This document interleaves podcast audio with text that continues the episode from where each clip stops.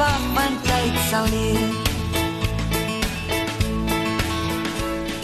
En hier sluit hy by my aan op die dak van die SAIK. Jy ken hierdie dak, Emil nee, Wessels. nee. Maar weet jy wat? Ek dink is net tyd dat hulle net die laaste twee verdiepings net vir ons daai daai huiserlik tot bo toe kom. Want ek nee. Ja, want ek gaan hier op ons het hier op die die heel boonste vloer is hulle noem maar uitkyk vlak, hulle noem dit die panorama. So jy kan daar rondom 'n bietjie sien van ver sand en alles sand en al daai plekke, al die mooi plekke. En uh, bo op die dak is daar ons kan ongelukkig nie foto's in hierdie sensitiewe toerusting en goed, jy weet ons is 'n sleutelpunt. So 'n paar mense gevra neem foto's. Ons het van die van Johannesburg het ek vroegoggend een geneem. Maar dit is dit is 'n sleutelpunt. Dit beteken as een van die die beskermde geboue in Suid-Afrika so die die ou wat die sekerheid en hy staan hier en kyk vir ons. ons ek wil nie vanaand in die tronk slaap saam Ja met nee, jou nie, ek, Emil. ek wil nie nou nie weer van die uh, van die gebou afspring met 'n met 'n valskerm nie. Weet 'n base jump nie. Nou die een ou dit gedoen. Dit is hoog genoeg, né? Ja, nee, die een ou dit gedoen. Dit is so Okay, nee, ek gaan nie spring nie, hoor. Ek nee, gaan nee, nie spring nee, nie. Nee, ons ons niks niks daarvan nie. Maar maar Emma ons gesels vandag oor erfenis en ek sien die foto's wat ek op my Facebook bladsy Breakfast geplaas het oor die ou Johannesburg. Jy onthou die klub Belle Ja, Napoli in die ek het daar ge-DJ een of twee keer, jy weet. Ja. Maar hulle het die fantastiese um, spaghetti bolognese gemaak. Dan wat jy gedoen het, jy lekker gaan eet voor die tyd en dan gaan jy jy gaan gaan kuier bo. Ja, nee, dit was en, lekker. En het jy ooit kos gekoop by wat was dit Fontana? Fontana. Ja, maar net langs langs Belle Napoli was daar 'n plek met die naam van Le Poulet. Dit is 'n plek wat hierdie hoenders gebraai het en ja. hulle dit so met uh, roosmaryn en olyfolie. Ja, nee, as jy daar verbygeloop het. Oef. En en hulle was onwettig oop vir 24 ure 'n dag. hulle het sover ek weet, daar was nie lisensies in daai dae dat winkels 24 ure kon oop bly nie.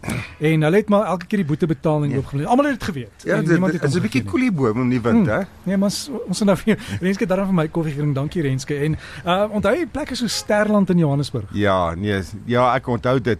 Onthou jy uh, wat is die ou drillhol wat nou afgebrand het? Dis om die hoek van die Sterland af. Ja, dit was mos een van die punte waar die ouens wat diensplig moes doen moes aanmeld. gaan aanmeld, ja. Ja, ja dat uit die ongelooflikste plek in Johannesburg.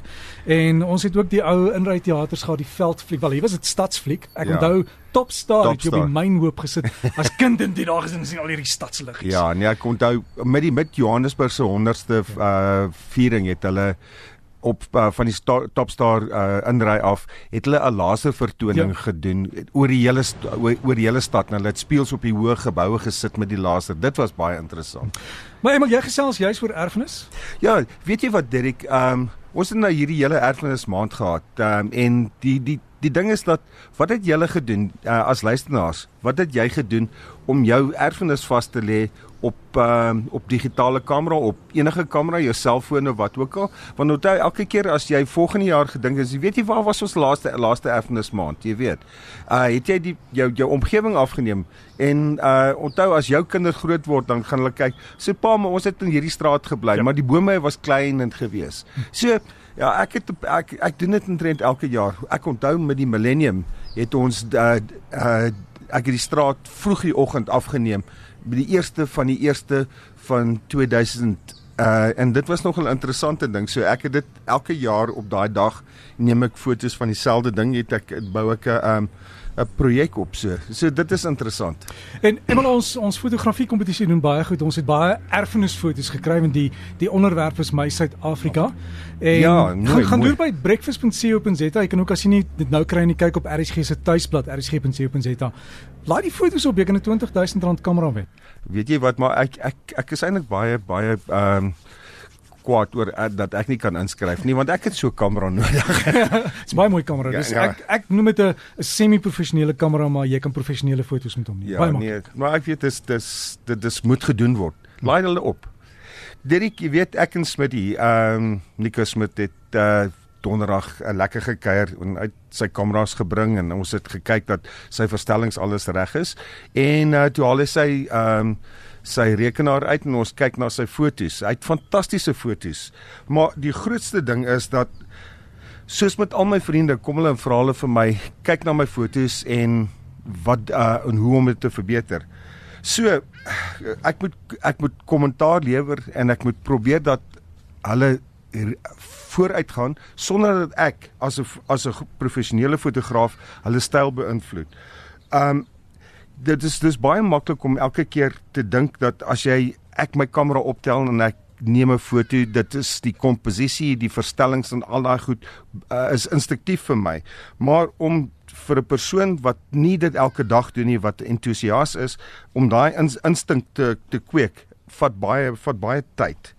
Ehm um, as jy dink dat as jy jou kamera optel en jy moet daai dadelik die die verstellings hê om die voorwerp of die onderwerp wat uh, voor jou is suksesvol af te neem, vat jare se ondervinding, die komposisie uh moet toegepas word. Wat maak jy en hoe verander jy dit?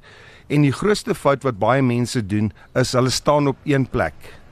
Ehm um, daar's fantastiese foto's wat Smitty geneem het in Swede toe hy uh soontoe was vir 'n uh, werkgeleentheid en hy het op 'n strand afgekom in die, in hierdie strand was pikswart.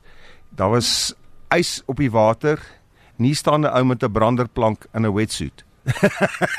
Dit is jy weet jy, daar's daar uit 'n foto gehad van 'n van 'n ou boot wat hy aan die linkerkant geplaas het met die horison uh aan die regterkant wat uitgaan en maar baie groot uh wolke en en lig en groot voorgrond. So ek het 'n bietjie ehm um, hand bygesit en vir hom gewys hoe om die foto te verander op sy rekenaar, waar om te krop uh dat jy klem op 'n sekere plek uh sit en dit.